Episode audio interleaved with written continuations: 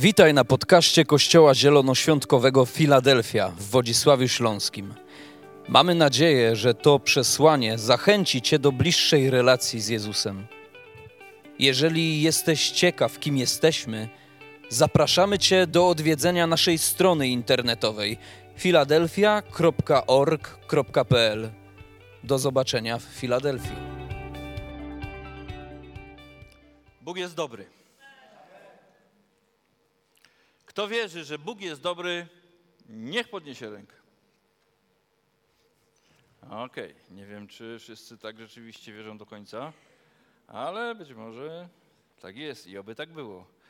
Kochani, e, kiedy żeśmy śpiewali sobie uwielbienie, te, te, te piosenki, przypomniała mi się taka historia. Wiecie, ja nie jestem dobrym opowiadaczem, więc gdybym coś musiał, zakręcił się i musiał się wycofać, to proszę mi wybaczyć.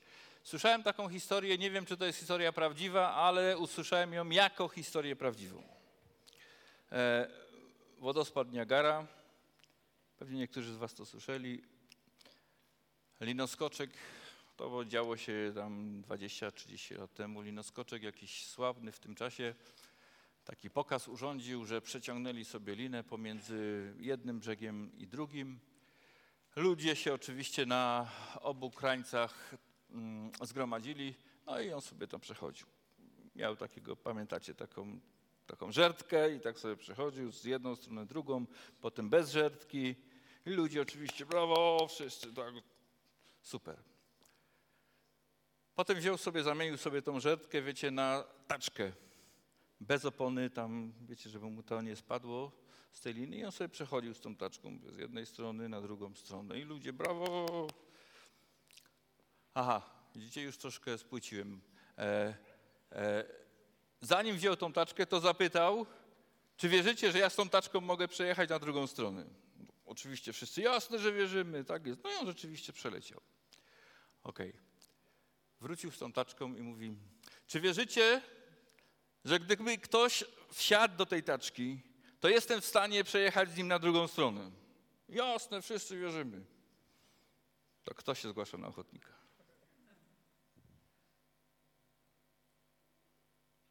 I nastąpiła cisza jak tutaj.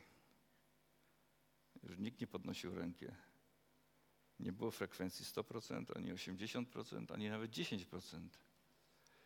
I teraz już dopowiem, nie wiem czy tak było, w ogóle nie wiem czy to była historia prawdziwa pewnym momencie podchodzi taki jakiś młody chłopak i mówi, ja tam wejdę. Nastoletni, nastoletni chłopiec, który nie miał zbyt dużego życiowego doświadczenia, niewiele jeszcze w życiu przeżył, w związku z tym może i nie miał za dużo strachu. I on wsiadł do tych, wszedł do tej, do tej taczki i ten linoskoczek z tą taczką przewiózł go na drugą stronę i z, po, i z powrotem. Wiecie, e, Dwa tygodnie temu zakończyliśmy nasz tydzień postu i modlitw. I na koniec tego tygodnia, ci, którzy byli dwa tygodnie temu, była taka historia na kazaniu, kiedy Pan Jezus był na górze przemienienia ze swoimi uczniami i potem schodził. I wiecie, to jest, to jest w Ewangelii Mateusza ta historia e, w rozdziale 17. I kiedy on schodził, kiedy już był tam u podnóża tej góry, tam już ktoś na niego czekał. Ktoś pośród tłumu. Tym kimś był ojciec chłopca, który był opętany i, które, i którego uczniowie nie potrafili uzdrowić. On przyszedł do Jezusa i mówi: Panie, jest problem, mam syna. Demon go strasznie niszczy, tego chłopca. Przyprowadziłem go do, do Twoich uczniów, ale oni nie poradzili. Pan Jezus się troszkę obruszył na tą sytuację. Pewnie spojrzał na swoich uczniów tak trochę srogo może. Mogę sobie to tylko wyobrazić. I wygonił demona. I chłopiec był był zdrowy. Ale kiedy byli na osobności, kiedy byli na osobności, przyszli do niego uczniowie e, i mamy i czytamy to, co tutaj jest za mną na plecach. Wtedy przystąpili uczniowie do Jezusa na osobności i powiedzieli, dlaczego nie mogliśmy go wypędzić? Wiecie, jesteśmy w cyklu przemienieni, aby przemieniać. Oni mówią, dlaczego nie mogliśmy go wypędzić? Dlaczego tego chłopca nie potrafiliśmy przemienić, mimo że innym, innych nam się udawało? Dlaczego, że, dlaczego pomimo tego, że jesteśmy przemienieni, że Ty dałeś nam swoją moc, nie jesteśmy w stanie przemienić tego chłopca, nie jesteśmy w stanie uzdrowić tego chłopca? Pan Jezus im odpowiedział jedną rzecz. Dla niedowiarstwa waszego. Wiecie, Jezus czasami ganił swoich uczniów albo ganił tych, którzy do Niego przychodzili, ale ganił ich tylko za jedną rzecz. Za brak wiary albo za małą wiarę. Nie ganił ich za to, że są za mało twórczy. Nie ganił ich za to, że są e, zbyt mało entuzjastyczni, że może są za mało gorliwi. Ganił ich tylko za jedną rzecz. Macie za mało wiary, albo nie macie wiary w ogóle. Ostatni cykl kazań w Starym Roku to były kazania zatytułowane Zwycięzcą jest. Wiecie, gdybyśmy zebrali te wszystkie kazania tak razem i spróbowali takie motto albo taką kwintesencję z tego cyklu tak wycisnąć, to zostałby nam pewnie e, fragment z listu świętego Jana z piątego rozdziału. Bo wszystko, co się narodziło z Boga, zwycięża świat, a zwycięstwo, które zwyciężyło świat, to wiara nasza. Wiecie, że wiara to jedyny, jedyny sposób na zwycięskie życie? Rozumiecie już, dlaczego Pan Jezus, jeżeli ganił kogokolwiek, to ganił go tylko i wyłącznie za to, że jego wiara, jego poziom wiary był taki słabiutki.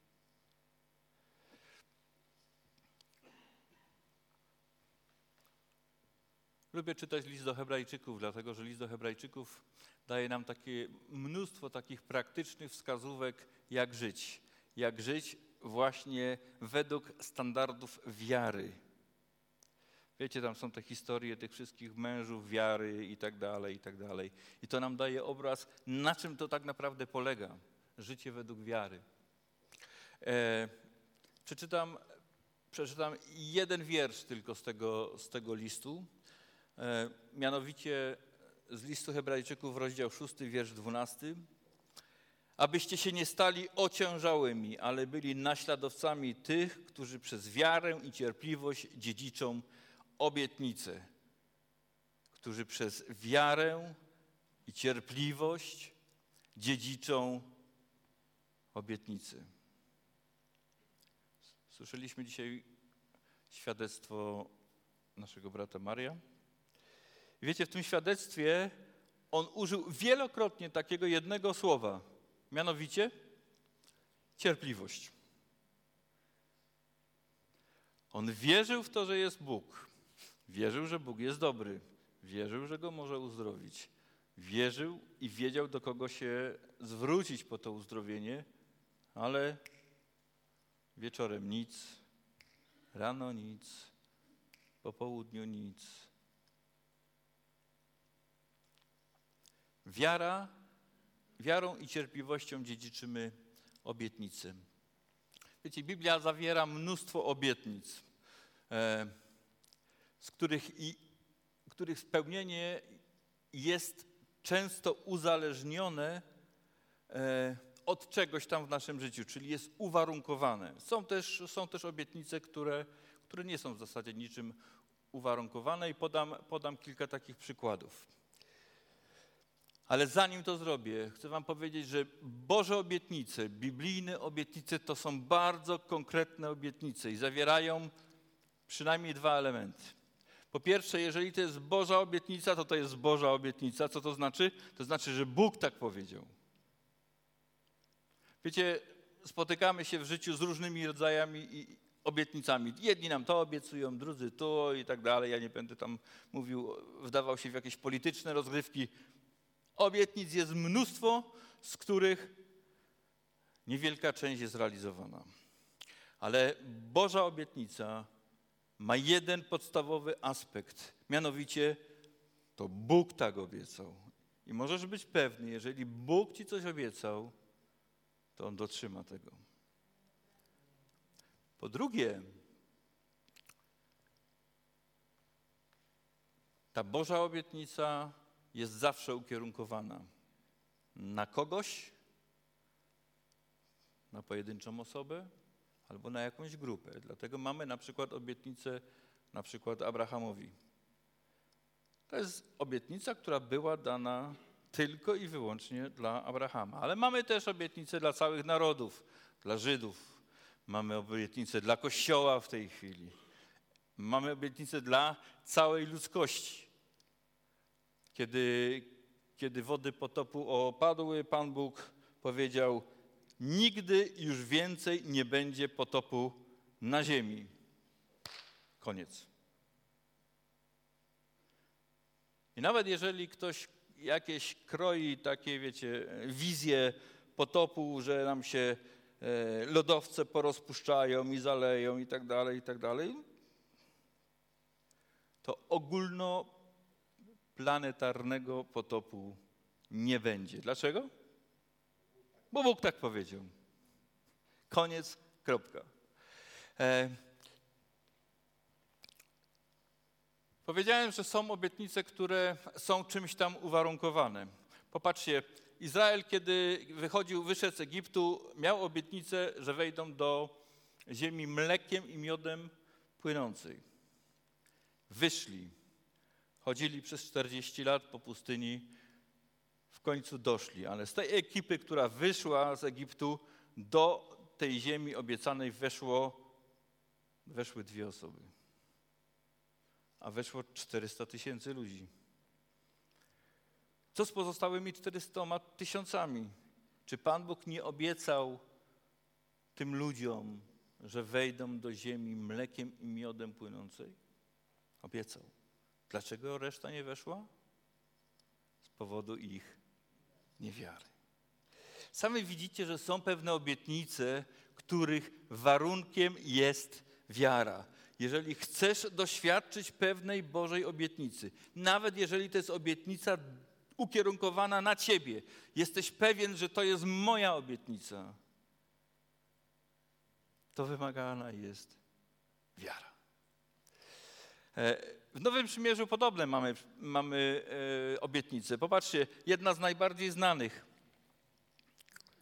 Szukajcie najpierw Królestwa Bożego, a wszystko inne będzie wam przydane. Chyba wszyscy znamy to. Nie wiem, czy próbowaliście kiedyś czytać tego typu obietnice jakby z drugiej strony. Jakby to miało brzmieć, gdybyśmy tą obietnicę przeczytali z drugiej strony. Wszystko inne będzie wam, mnie przydane, jeśli będę szukał Królestwa Bożego. Wiecie, my się często zatrzymujemy na tym pierwszym fragmencie. Ale to jest obietnica warunkowa. Wszystko inne będzie mi przydane. Pan Bóg mówi: Wszystko inne ci przydam, ale ty szukaj najpierw Królestwa Bożego. Jest taka, taka obietnica, którą naprawdę bardzo lubię. W liście do Filipian apostoł Paweł napisał coś takiego. Nie troszcie się, ale w modlitwach i prośbach skieruj i dziękczynieniem e, skierujcie wasze prośby do Boga, a Bóg obdarzy was pokojem. Wasze myśli i wasze serce obdarzy pokojem. A gdybyśmy ją przeczytali z drugiej strony. Bóg chce obdarzyć moje serce pokojem, albo obdarzył już moje serce pokojem, jeśli przestanę się troszczyć. Czujecie to? E, jakiś czas temu rozmawiałem, jakoś tak wyniknęła taka mała rozmowa między mną i moją córką.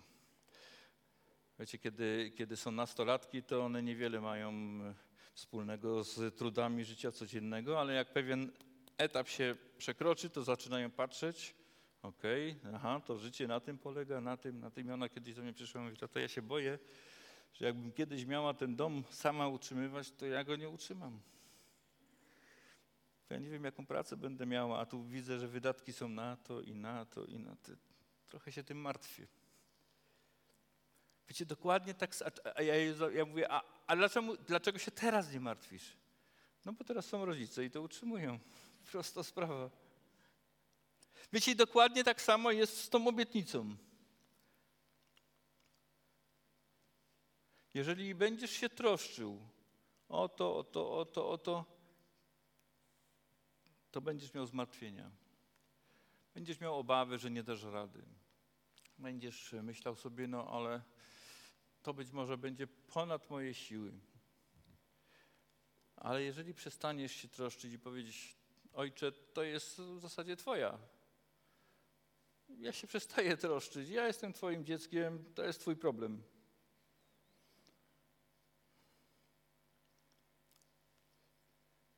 To zaczynam mieć w sercu pokój. Wiecie, nie mówię tutaj o tym, że nic nie będę robił, prawda, leżał i tak dalej ale wiecie, wiecie czujecie, czujecie sens tego, że, że ojciec nam pewne rzeczy chce dać, za tym przyjdzie nasz pokój, ale warunkiem jest przestań się troszczyć.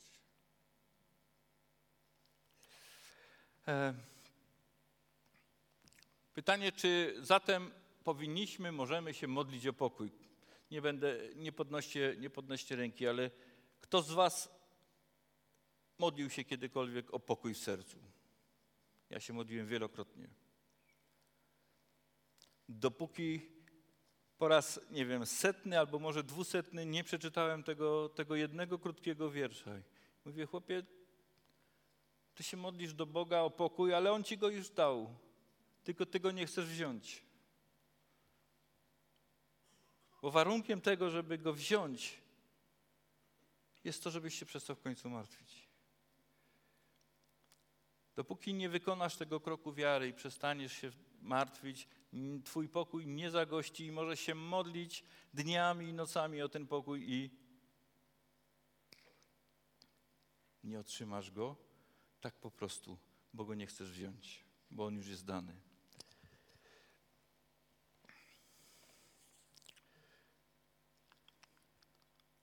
Wiecie, nie wszystkie obietnice są uwarunkowane są niektóre takie obietnice, powiedzmy, związane tylko i wyłącznie z nadzieją. Pamiętacie, Żydzi mieli obietnicę Mesjasza. I w zasadzie nie, nie mogli nic zrobić z tym, że ani nie mogli przyspieszyć przyjście tego Mesjasza, ani nie mogli opóźnić, ani nie mogli spowodować to, że on się urodzi w sąsiednim mieście albo, albo w jakiejś innej wsi. Jedynie co mogli robić, to go oczekiwać, czekać na niebie, na niego, i mimo, że to wiedzieli, to i tak go przekapili. E, uczniowie Pana Jezusa mieli oczekiwać Ducha Świętego. Jedynie co, co mieli zrobić, to nie wychodzić poza teren Jerozolimy i tylko tyle i czekać. I przyszedł czas, dzień pięćdziesiątnicy, kiedy Duch stąpił.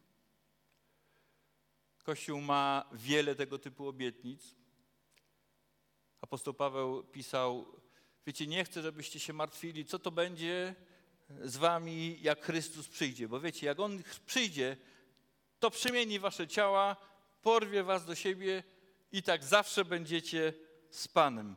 Co możemy w tej kwestii zrobić? Nic. Czekać. W innym miejscu Paweł obiecuje i mówi, wiecie, jak Pan Jezus przyjdzie, to przemieni wasze ciała. Ja wiem, ja sam osobiście też chciałbym, żeby, żeby to było już dziś, żeby mnie przemienił, bo tu gdzieś tam boli, tam boli, tu szczyka i tak dalej, prawda? Ale jest obietnica, że kiedy On przyjdzie, to nasze ciała zostaną przemienione na wzór tego ciała, które miał Pan Jezus po zmartwychwstaniu. Co możemy w tej kwestii zrobić? Nic. Jedynie co? To czekać. Wiecie, więc musimy rozpoznawać jakiego typu e, to są obietnice. Ktoś powie, ok, nie dostałem w tej sprawie żadnej obietnicy, czy mogę się o to modlić? Jest taka historia króla Dawida, e, kiedy tam jest napisane, wdał się z Betrzebą, zgrzeszył z Betrzebą. To był taki bardzo poważna sprawa, bardzo poważny grzech. E, z tego grzechu urodziło się dzieciątko, które mocno zachorowało. I Dawid ubrał wórt pokutny, padł przed Bogiem w świątyni na podłogę i tak leżał i modlił się i modlił się, Panie Boże, uzdrów to dziecko. I modlił się dzień, dwa, trzy, a na któryś tam dzień z kolei przychodzi, prorok, przy, przychodzi sługa i mówi, wiesz co, dziecko umarło. I Dawid stał i jest napisane, że oddał chwałę Bogu. Wiecie, nie dostał żadnej obietnicy, że jeżeli będzie się modlił, pościł i tak dalej, to dziecko będzie uzdrowione. Jedynie co mógł, to oprzeć się na swojej nadziei, a może Pan Bóg się zlituje, ale drogi Boga w tym wypadku były inne. Ale w Księdze Królewskiej jest z kolei e, taka historia króla Hiskiasza, kiedy prorok do Hiskiasza przychodzi i mówi, wiesz, uporządkuj swoje sprawy, bo w ciągu tygodnia umrzesz.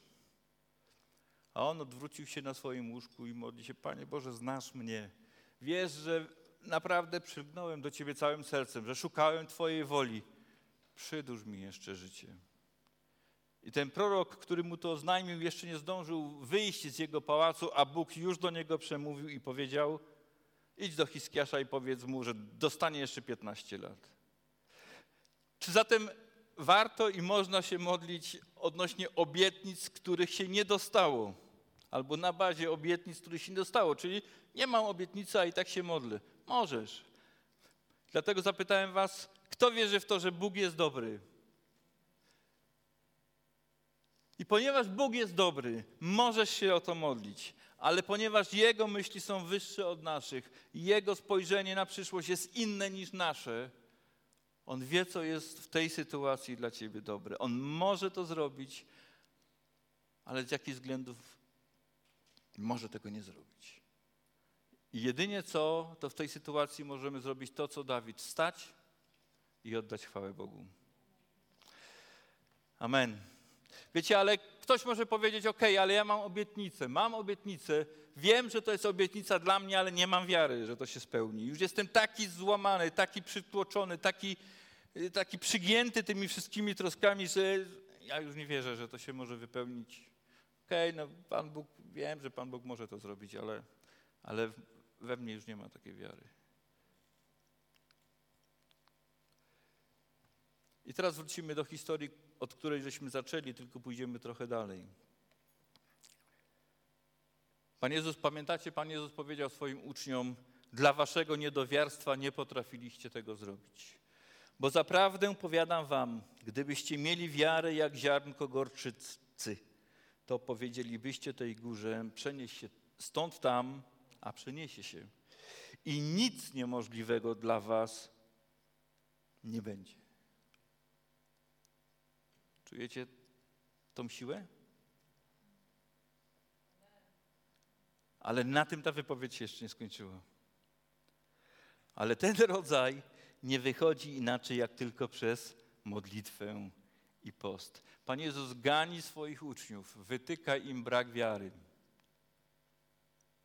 I mówi, być może wasz poziom wiary był dobry na to, żeby uzdrowić e, jakąś tam chrom, chromą nogę, tak? kulawą nogę.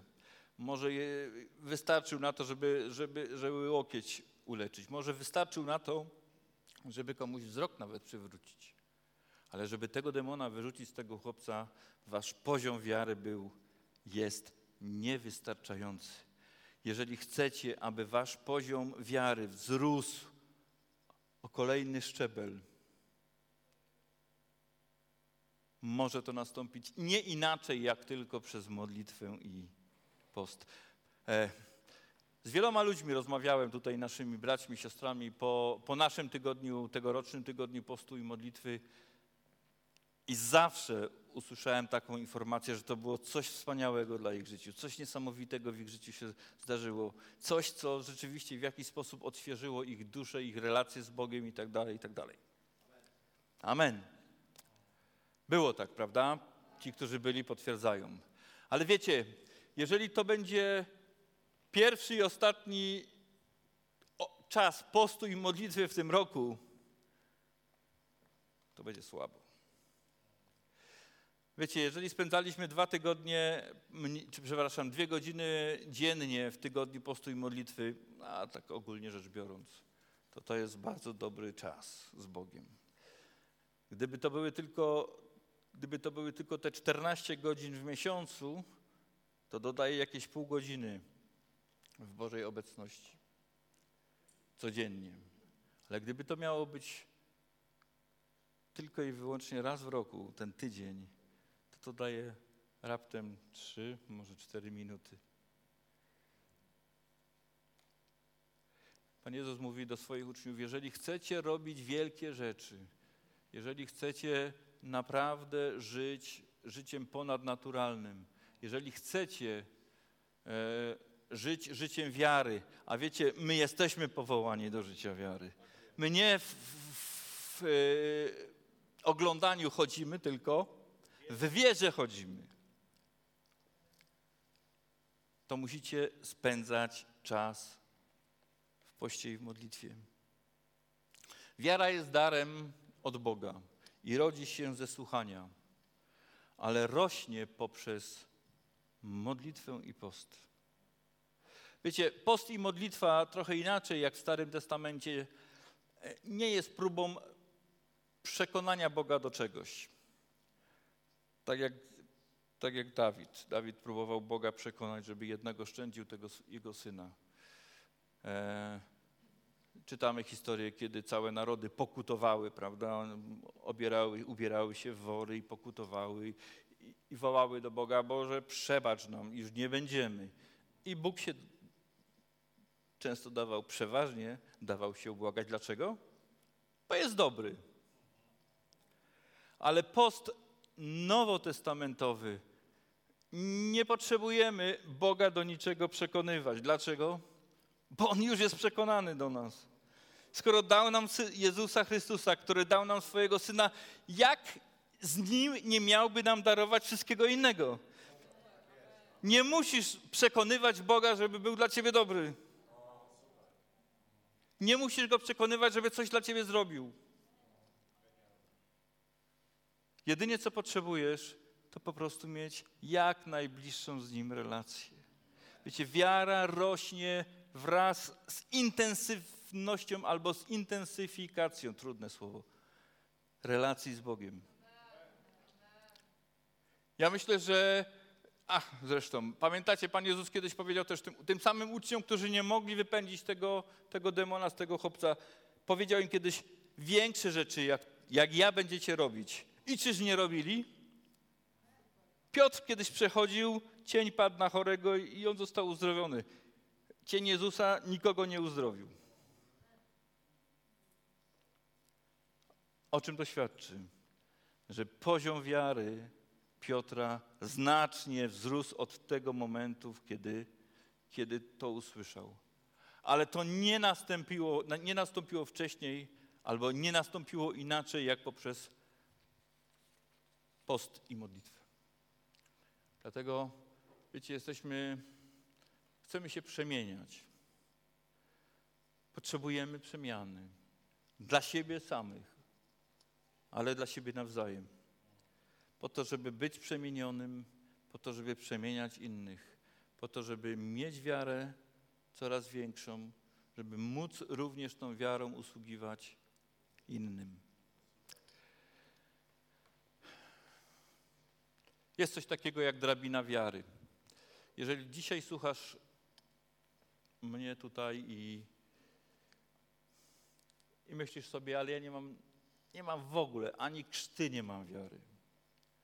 Ale chciałbym, chciałbym mieć, nie wiem, jedną dziesiątą tego ziarna gorczycznego, już nie całe ziarno. To Biblia nam mówi, uwierz w Pana Jezusa, będziesz zbawiony ty i, i dom twój. Zawołaj do Boga i powiedz, Panie Boże, nie chcę tak dalej żyć, wyznaję Ci swoje grzechy. Jezu Chryste, chcę uwierzyć, że Ty umarłeś również za moje grzechy. I wiecie, wiara jest darem od Boga. I, i, I obietnica Boża jest taka, że tą wiarę dostaniesz. Jeżeli chcesz, to ją dostaniesz na początek. Każdy dostanie według swojej miary. Jakąś miarę wiary każdy może dostać, kto chce. Możesz zostać zbawiony, ale nie zatrzymuj się na tym etapie. Wiesz, niech cię nie zadawala to, że nie pójdę do piekła i to mi wystarczy. Niech cię nie zadawala to, okej, okay, no pójdę do nieba. Super. Więc poczekam już teraz tylko. Wejdź, staraj się wejść na kolejny szczebel wiary. Zrób kolejny krok wiary. I potem kolejny. Wiecie, ale pokonywanie kolejnych szczebli wiary odbywa się na zasadzie i sposobem post i modlitwa. Przemieniony, aby przemieniać. Nasza wiara powinna być linią wspinającą się ciągle w górę, coraz bliżej Boga, coraz wyżej, wyżej w kierunku Chrystusa. Dlatego jeszcze raz, dla tych wszystkich, którzy, którzy nie mają wiary, którzy nigdy nie uwierzyli w Pana Jezusa, którzy nigdy Jemu nie zaufali, spróbuj. Jeżeli Bóg coś powiedział, to jest to pewniejsze niż to, jak to niektórzy mówią, że jedyną pewnością jest to, że wszyscy umrzemy. No, to nie jest takie pewne. Jedyną pewnością jest to, że jeżeli Bóg coś powiedział, to tak będzie.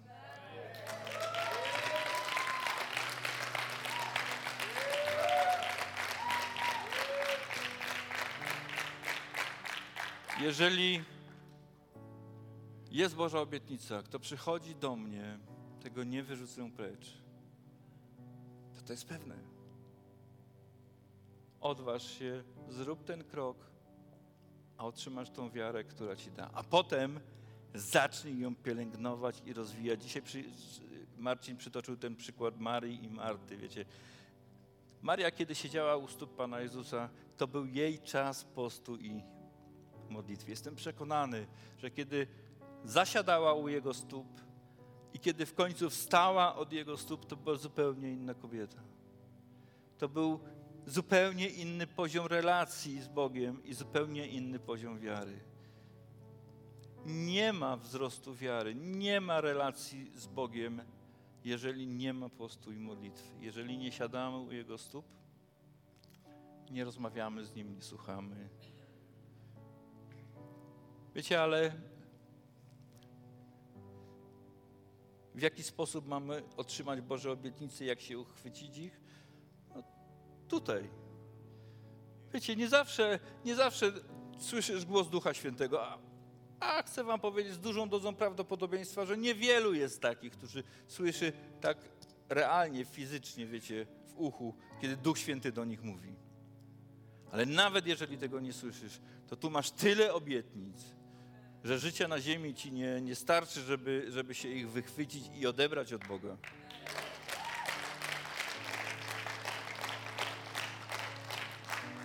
Nie lekceważ tego źródła.